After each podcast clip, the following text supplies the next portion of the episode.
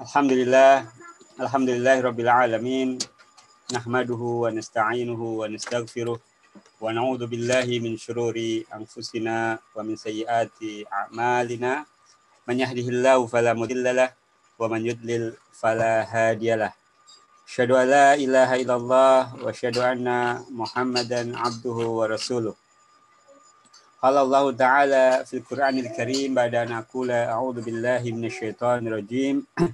Liyajziyahumullahu ahsana ma amilu wa yazidahum min fadlih wallahu yarzuqu man yasha'u bighairi hisab. Sadaqallahul azim. Amma ba'du. Bapak, Ibu-ibu yang dirahmati Allah Subhanahu taala, alhamdulillah di siang hari ini kita akan uh, sama-sama mengkaji kalamullah, mentadaburi ayat-ayatnya dan uh, mencari ya ilmu yang bermanfaat. Uh, di dalam kesempatan di siang hari ini kita akan membahas sebuah ayat dalam surat An-Nur ayat ke-38. Allah Subhanahu wa taala menyatakan liyajziyahumullahu ahsana ma amilu wa yazidahum min fadlih. Supaya Allah memberikan balasan kepada mereka dengan balasan yang lebih baik dari apa yang telah mereka kerjakan dan supaya Allah menambah karunia-Nya kepada mereka. Wallahu yarzuqu may yasha'u bighairi hisab. Dan Allah memberi rezeki kepada siapa yang dikehendakinya tanpa batas. Ada berapa faedah yang bisa kita ambil sesuai tema kita di siang hari ini yaitu amalan kecil eh, berpahala besar. Kalau kita pernah jadi mahasiswa ekonomi, salah satu prinsip ekonomi itu dengan modal sekecil-kecilnya akan mendapatkan keuntungan sebesar-besarnya. Maka di antara salah satu uh, kecerdasan beramal, maka kita melakukan amalan-amalan yang itu nilainya besar. Meskipun di mata manusia itu amalan itu ringan. Di mata kita ini bukan amalan yang yang besar, tapi di sisi Allah ya sesuai yang disampaikan para ulama ini adalah amalan yang bernilai besar. Uh, di ayat tadi yang saya bacakan Nah, ada beberapa faedah. Yang pertama, balasan itu tergantung dari amal perbuatan. Sehingga eh, sama-sama orang beramal, ya, Allah akan membalas eh, amalan itu ya, eh, sesuai kadar ya keikhlasan, kesungguhan dan kualitas amalnya. Tidak hanya eh, sekedar misalkan banyak-banyakan atau besar-besaran. Misalkan orang sodakoh yang paling banyak itulah yang paling besar pahalanya. Atau orang yang paling sering apa namanya uh, membaca Al-Quran, kemudian beribadah-ibadah, tentu itu berpahala. Tetapi kita akan mengkaji uh, apa saja yang lebih diutamakan ketika kita melakukan sebuah amal soleh. Yang pertama, para ulama menyebutkan bahwasanya ya, ada amalan yang lebih utama daripada yang lainnya ada amalan yang lebih utama daripada amalan yang lainnya. Syekh Ibrahim bin Amir Ar-Ruhaili ya, menyatakan bahwa setelah yang wajib itu ada amalan sunnah. Dan yang paling afdol adalah tolabul ilmi. Ya, tolabul ilmi itu setelah kita sholat lima waktu, setelah kita melakukan yang disebut dalam rukun Islam, maka amalan yang utama setelah itu adalah uh, melakukan uh, tolabul ilmi. Kemudian jihad fisabilillah, dan yang ketiga zikir. Ya. Ini ada tiga amalan yang utama setelah yang wajib. Nah, kita wajib sholat lima waktu. Ya. Kemudian apabila kita tambahkan zikir setelahnya, nah itu itu menjadikan amalan itu lebih utama. Ya. Sama-sama sholat, tapi ada yang berzikir, ada yang tidak. Sama-sama beramal yang wajib, tapi yang satu dia tolak ilmu dulu. Dia belajar misalkan fikih sholat dulu sebelum dia melaksanakan sholat. Maka yang kedua dibanding yang pertama yang tidak belajar dulu cuma ikut-ikut saja ya. Maka yang belajar tata cara sholat, tata cara baca Quran yang betul, ya, tata cara memahami Al-Quran dengan bahasa Arab yang betul itu lebih utama dibandingkan yang yang tidak mempelajarinya. Kemudian yang perlu kita pahami ya, yang kedua, amalan wajib itu lebih besar pahalanya daripada yang sunnah. kadang ada orang bingung ya, apakah saya bayar utang atau saya sodako? Utangnya satu juta, uangnya satu juta. Ada tawaran sodako satu juta. Maka membayar hutang itu lebih utama dibandingkan sodako. Karena itu wajib. Membayar hutang itu hukumnya wajib. Bahkan bisa menjadi penghambat ya seseorang eh, hisapnya kalau dia belum lunas hutangnya. Sampai meninggal belum lunas, keluarganya tidak ada yang membayar, ya itu urusannya bisa sampai akhirat ya. Maka membayar hutang didahulukan daripada bersodakoh. Ada orang rajin sholat sunnah, sholat duhanya rutin setiap waktu. Tapi malah sholat duhur, sholat subuh duhurnya lalai. Nah, ini orang dia mengutamakan yang sunnah dibandingkan yang wajib. Lebih baik mana orang rajin tahajud duha, tapi lima waktunya nggak beres. Dibandingkan orang yang beres lima waktunya, nah, mungkin dia jarang ya, sholat duha jarang, sholat, sholat tahajud jarang.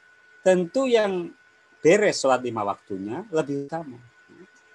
Ya, kalau mau yang lebih baik ya sholat lima waktunya beres, sholat sunnahnya juga nah, dia kerjakan. Kemudian yang ketiga ya, amalan yang lebih ikhlas pahalanya lebih besar. Amalan yang lebih ikhlas pahalanya lebih besar. Saya akan ceritakan beberapa kisah ya tentang keikhlasan. Keikhlasan itu membuat amalan kecil, ya, amalan yang sederhana, itu jauh lebih besar nilainya dibandingkan amalan besar, tapi nggak ikhlas. Bapak nyumbang 10 ribu, ikhlas dibandingkan nyumbang sejuta nggak ikhlas ya. yang sepuluh ribu itu itu jauh lebih bernilai dibandingkan yang yang satu juta satu miliar ya dan yang lebih besar daripada itu karena banyak orang ya hangus ya. karena yang menghanguskan amal itu itu banyak pak murtad ya. dia sudah 70 tahun jadi muslim sholat beres di usia ke-70 murtad 71 meninggal, hilang semua pahalanya. Syirik itu juga hilang. Termasuk ria. Ya. Ria itu membuat uh, pahala seseorang itu menjadi hangus, ya. jadi tidak bernilai.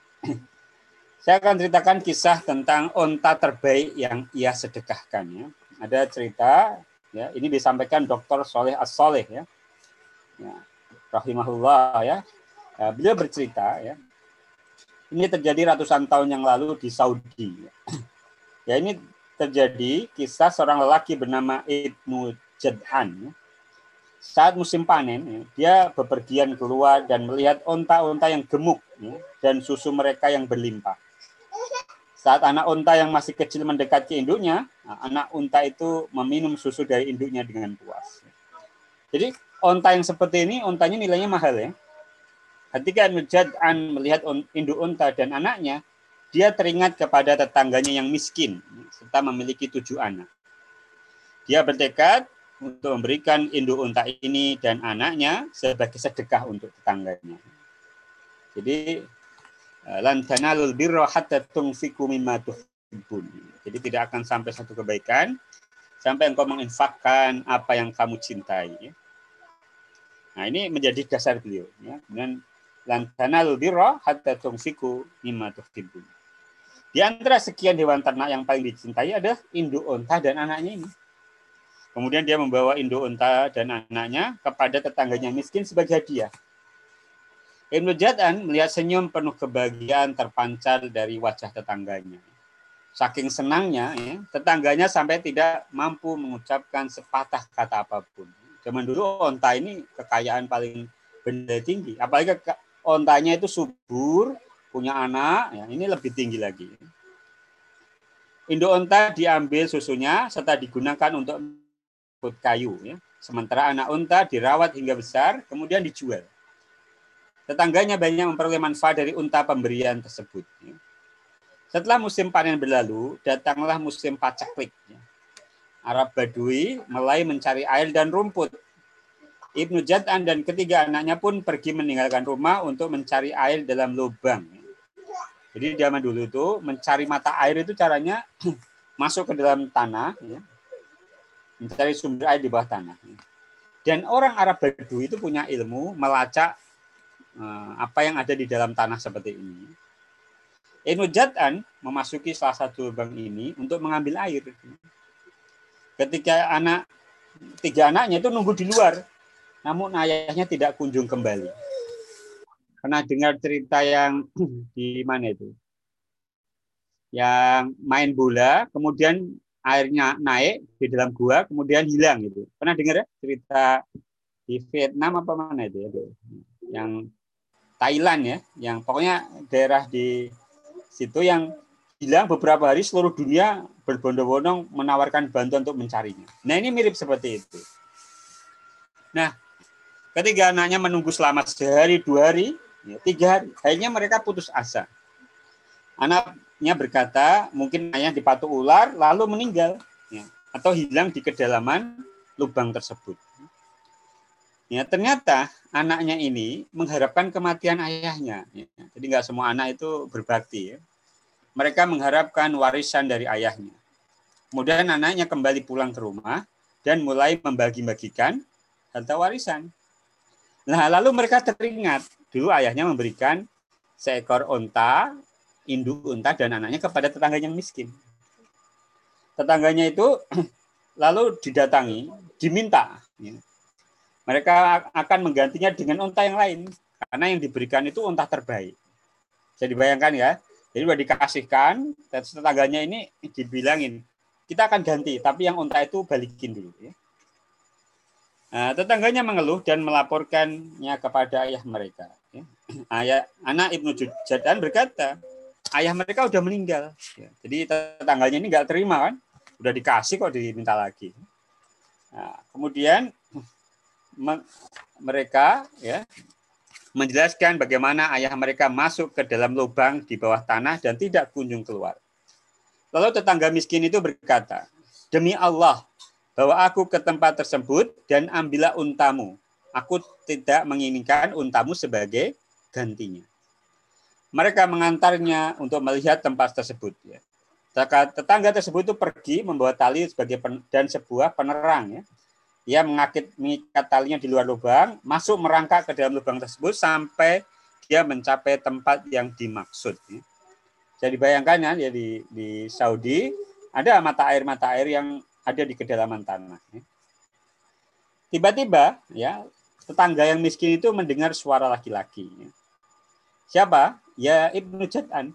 Dia mendekati arah suara tersebut dalam kegelapan lubang bawah tanah sampai tangannya meraih Ibnu Jad'an dia mengecek apakah Ibnu Jatan masih bernafas karena dia telah berada di lubang itu seminggu lamanya.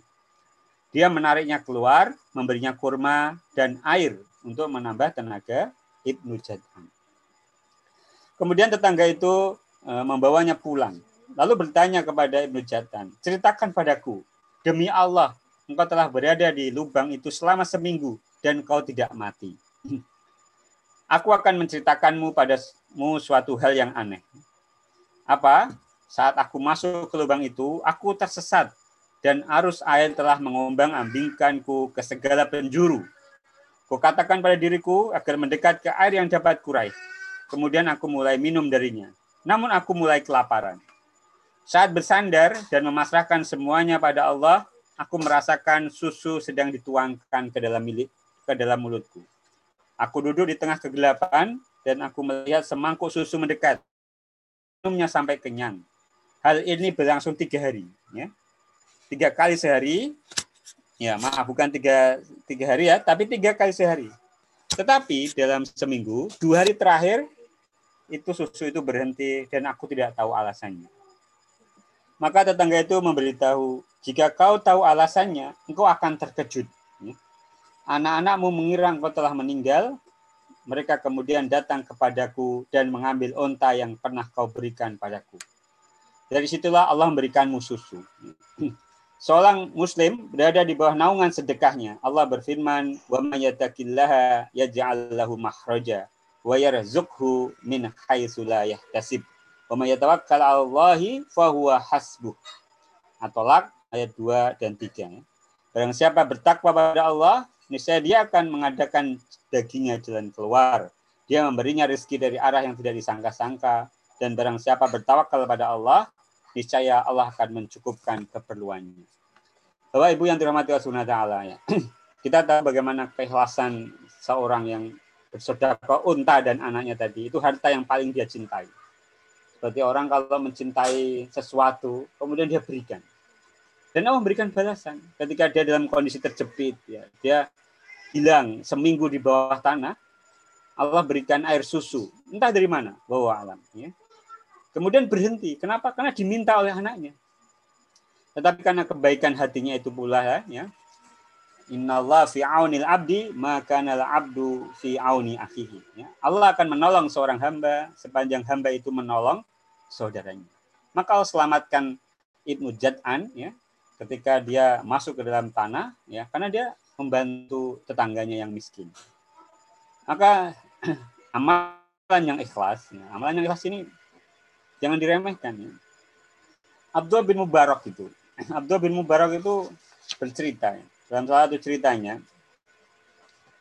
beliau itu ya, pernah pinjam ballpoint kolam ya. Kolam itu kan nilainya nggak seberapa.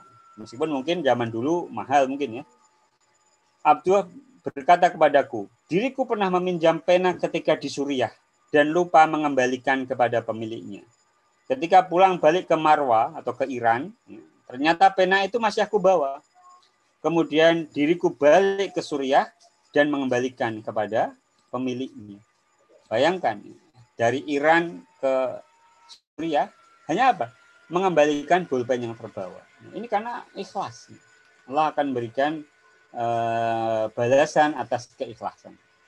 In tubdus sadaqati fani'immahi wa in tukhfuha wa tu'tuha al-fuqara'a fa huwa khairul lakum wa yukaffiru ankum min sayyi'atikum wallahu bima ta'maluna khabir ya. Jika kamu menampakkan sedekahmu, maka itu adalah baik sekali. Dan jika kamu menyembunyikannya dan kamu berikan kepada orang-orang fakir, maka menyembunyikannya itu lebih baik bagimu. Dan Allah akan menghapuskan dari kamu sebagian kesalahan-kesalahanmu dan Allah Maha mengetahui apa yang kamu kerjakan. Bapak Ibu yang dirahmati Allah SWT, ya, itu di antara eh, hal yang melipat gandakan amalan kita, keikhlasan. Kemudian yang kedua, amalan yang makin mencontoh Nabi Shallallahu Alaihi Wasallam pahalanya lebih besar. Jadi terkadang kita itu pengen nambah-nambah ya, tapi padahal Rasulullah mencontohkan sederhana saja. Jadi kalau sunnah meskipun sederhana itu jauh lebih baik daripada kita nambah-nambah ibadah yang enggak ada dasarnya. Man ahdatsa fi amrina hada ma laysa minhu fahuwa rajul. Barang siapa membuat suatu perkara baru dalam agama kami ini yang tidak ada asalnya, maka dia tertolak. Kemudian kelima, ya, amalan yang kontinu itu lebih afdol daripada amalan yang dilakukan sesekali saja. Bapak ya rutin ya sedekah sepuluh ribu ya, setiap hari Jumat. Rutin, pokoknya dilazimkan ya, rutin sepuluh ribu. Itu jauh lebih baik daripada nggak pernah infak, tahu-tahu langsung misalkan 100 ribu, 500. Kenapa? Karena yang rutin ini butuh istiqomah. Dan istiqomah itu yang berat. Ya. Karena ajal itu, itu datang sewaktu-waktu nggak nunggu kita istiqomah. Kalau kita istiqomah sholat lima waktu, ya, bersedekah semampu kita, ya nggak usah besar-besar, tapi rutin. Ya. Nah, syukur besar, tapi yang rutin, yang kecil, itu jauh lebih baik daripada besar tapi nggak rutin. Ya. Jadi uh, rutin Nah, itu lebih utama daripada yang yang sesekali. Kemudian yang keenam ya, amalan yang sederhana lebih afdol daripada amalan yang menyusahkan diri. Jadi ada ceritanya. Abu Darda ya, itu istrinya itu awut-awutan. Maksudnya gini, istrinya itu nggak nggak berhias, istrinya itu terlihat muram gitu ya. Ketika ditanya, karena suaminya Abu Darda itu nggak pernah menyentuh, nggak pernah um, apa namanya menyenangkannya. Abu Darda ini ahli ibadah ya. Maka sahabatnya Salman Al Farisi berkata padanya, Inna li rabbika alika haqqan wa li nafsika alika haqqan wa li ahlika alika haqqan fa'ati kulladhi haqqin haqqahu. Ya. Sesungguhnya bagi Rabbmu ada hak, bagi dirimu ada hak, bagi keluargamu juga ada hak, maka penuhilah masing-masing hak tersebut. Kemudian Abu Darda mendatangi Nabi Muhammad SAW lalu menceritakan yang terjadi. Nah, apa yang disampaikan oleh Salman itu benar. Jadi apa yang disampaikan Salman tadi ditetapkan oleh Nabi itu yang benar. Jangan karena kita memberikan hak Allah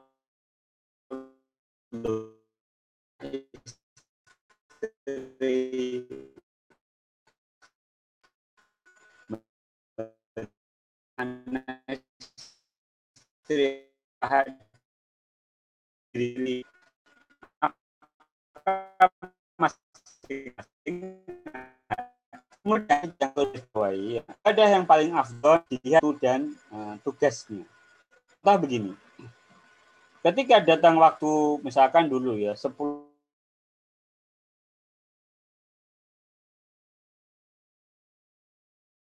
ketika panggilan jihad yang syar'i di tanggal 10 November tahun itu itu syar'i. Maka itu itu lebih utama kemudian ada tamu datang ke rumah kita tim misalnya mengobati karena apa? Ya dia yang memang kompetensinya di situ mengobati petani bertani ya. Nah, kalau semua apa namanya meninggalkan tugas masing-masing, ya kehidupan bisa bisa uh, berantakan. Ya.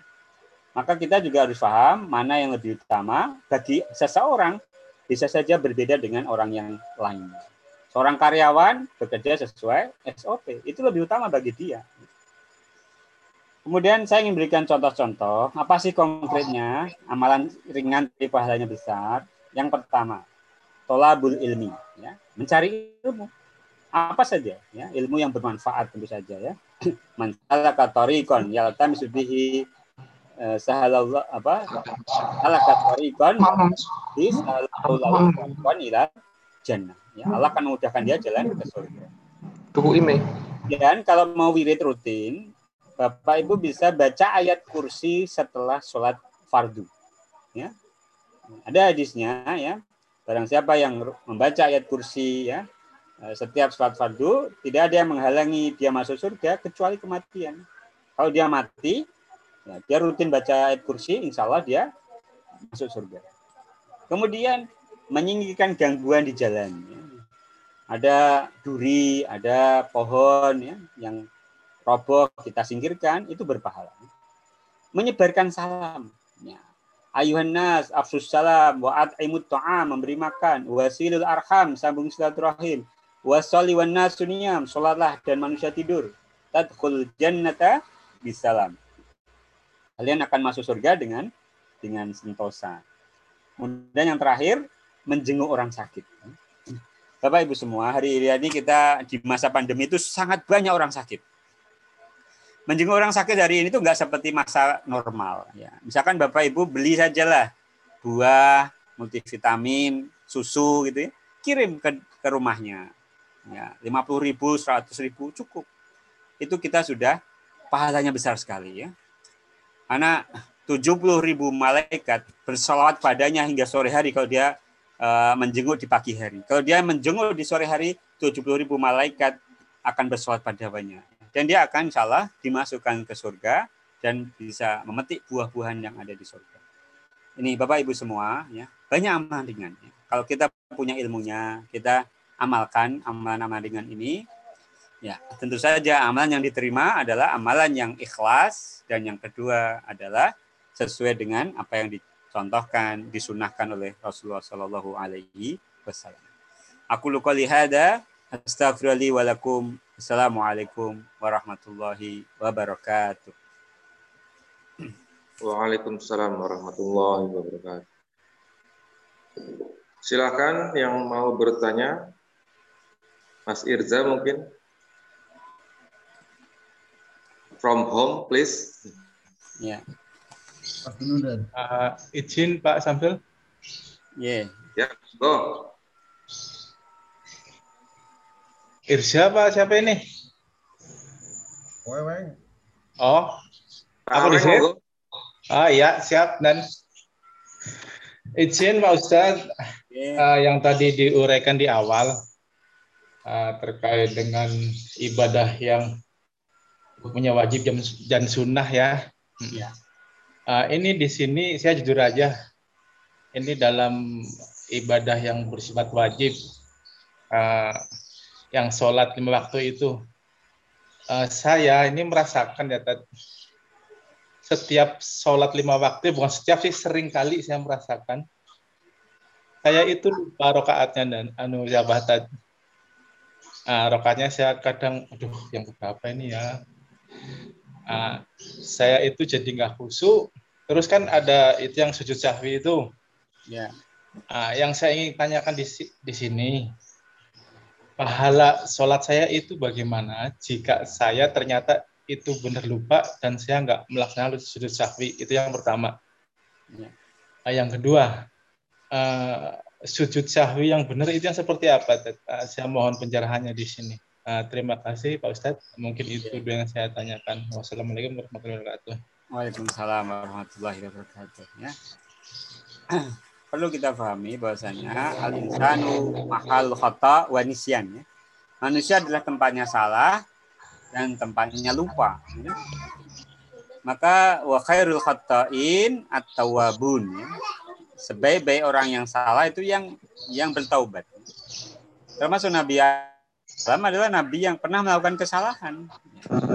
Melanggar perintah Allah. Tetapi kemudian Nabi Adam alaihissalam bertobat. Nah terkait sholat ya. Kenapa ada tuntunan sujud sahwi? Sujud sahwi itu adalah sujud lupa saha, sahwi itu artinya lupa.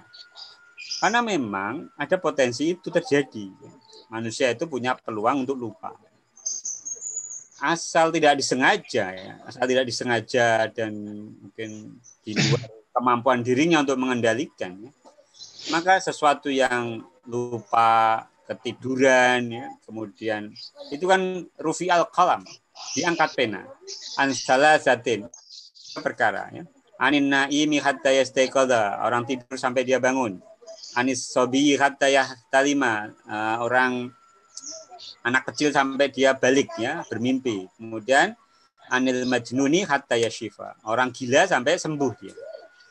Nah lupa. Lupa ini sesuatu yang di luar kendali. Kalau memang dia benar-benar lupa. Bukan meniatkan diri ngalamun gitu ya. Karena kadang uh, kalau kosong itu kan mudah ya. setan itu mengganggu ya.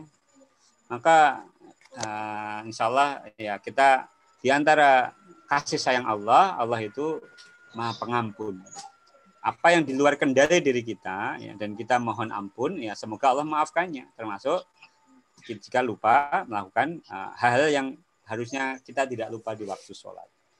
Kemudian apa itu sujud sahwi? Ya, sujud sahwi itu dilakukan ketika kita tadi ya lupa, misalkan lupa jumlah rokaat, ya sudah lupa kemudian uh, apa namanya lupa tadi tidak tahiyat awal misalkan. Nah, sujud sawi caranya adalah sebelum tahiyat, sebelum salam, ya, habis tahiyat akhir, lakukan dua kali sujud. Lakukan dua kali sujud. Ada yang berpendapat tidak ada bacaan khusus, tapi ada juga yang berpendapat ada bacaannya. Ada bacaannya. Uh, saya kalau praktek ingat gitu. Nanti saya uh, bacaan doa sujud sahwi ya, ya itu ada ya. Nanti kalau saya ingat saya akan kirim ke apa namanya ke Pak Samsul ya. Eh, la yanamu wala ya. Apa? Astagfirullahaladzim la wala yasu. Jadi Allah tidak tidur dan tidak lupa. Nah, ini kita baca ketika melakukan sujud sahwi. Atau ada juga pendapat lakukan dua kali sujud baru salam. Nah, ini ini bisa kita lakukan ketika kita lupa dalam sholat. Maka di antara agar kita nggak lupa dalam sholat, kita memikirkan bacaan sholat. Otomatis mau nggak mau kita harus tahu terjemahannya bacaan sholat. Allahu Akbar apa artinya, Al-Fatihah apa artinya. Biar nggak kosong pikiran kita ya. Meskipun setan pun ya bisa nggak orang yang ahli bahasa Arab lupa bisa. Itu itu godaan setan itu selalu terjadi pada orang awam, orang alim, siapa pun bisa lupa. Maka disyariatkan namanya sujud sahwi. Kau alam bisawab. Oke, ada yang lain? Monggo yang lain.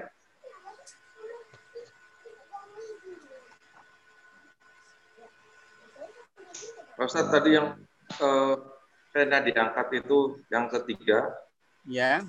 Itu bagaimana dengan eh, orang tua yang ya umur 70 tahun sakit itu bagaimana dengan sholatnya Pak Ustadz? Sudah Oke. lupa-lupa.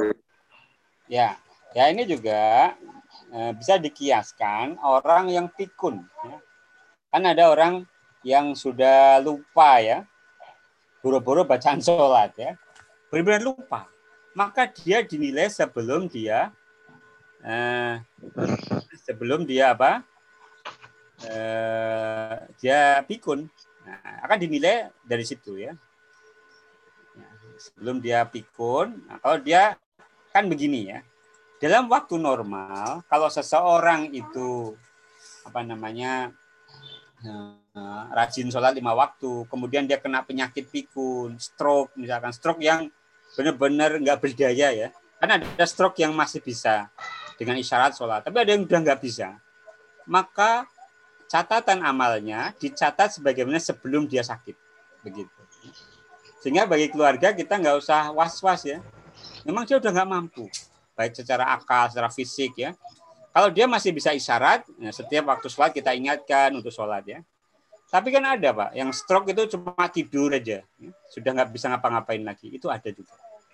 Namanya Alzheimer ya, kehilangan apa namanya eh, ingatan yang yang dulu dia sangat ingat, dia terlupa.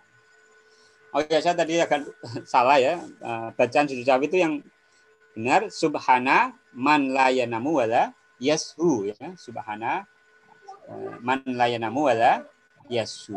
Subhanakallahumma rabbana itu itu beberapa bacaan sujud sahwi ya. subhana man la yanamu wala yashu.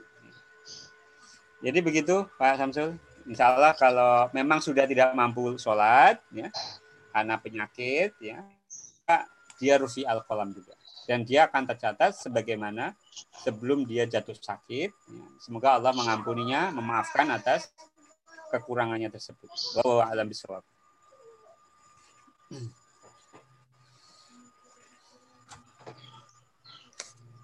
Ada yang lain monggo?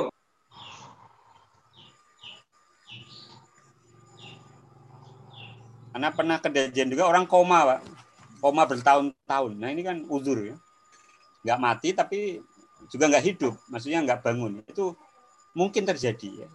Mungkin terjadi. Maka dihukumi seperti orang tidur ya.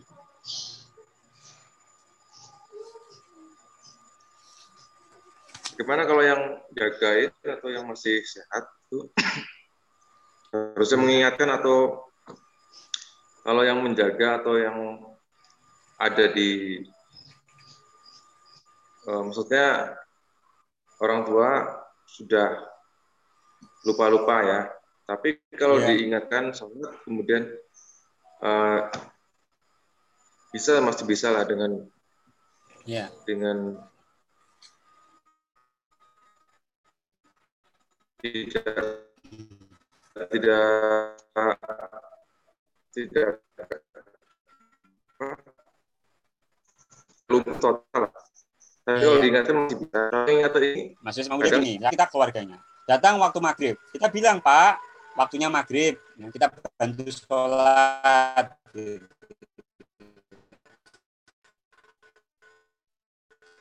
Kita tungguin. Ya ketika ada ingat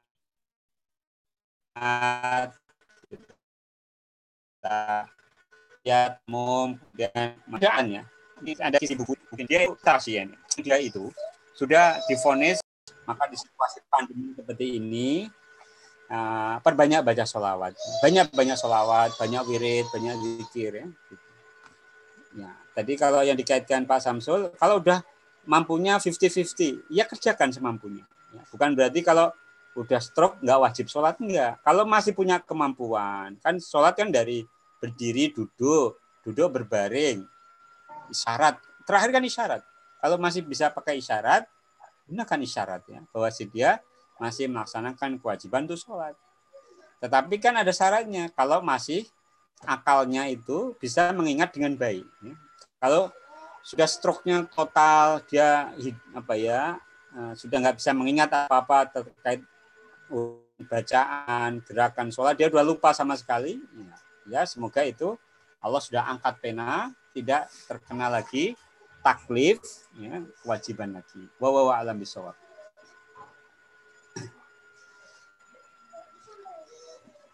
Cukup, Pak Sandul? Cukup, Pak Ustaz. Yeah. Akhiri dengan baca doa. Kita doakan saudara-saudara kita yang masih sakit, semoga Allah sembuhkan. Yang ditinggalkan keluarganya diberikan kesabaran ya. Dan siapa pun yang masih sehat Allah jaga kesehatannya. Allah makfir lil muslimin wal muslimat wal mu'minin wal mu'minat al ahya'i minhum wal amwat innaka sami'un qaribu mujibu da'wat. Rabbana atina min ladunka rahmah wa hayyi lana min amrina rasyada Rabbana atina fid dunya hasanah wa fil akhirati hasanah wa qina adzaban nar Subhana rabbika rabbil izzati amma yasifun wa salamun alal mursalin walhamdulillahi rabbil alamin. Assalamualaikum warahmatullahi wabarakatuh. Waalaikumsalam warahmatullahi wabarakatuh. Jazakumullah. Wa jazakumullah khairan.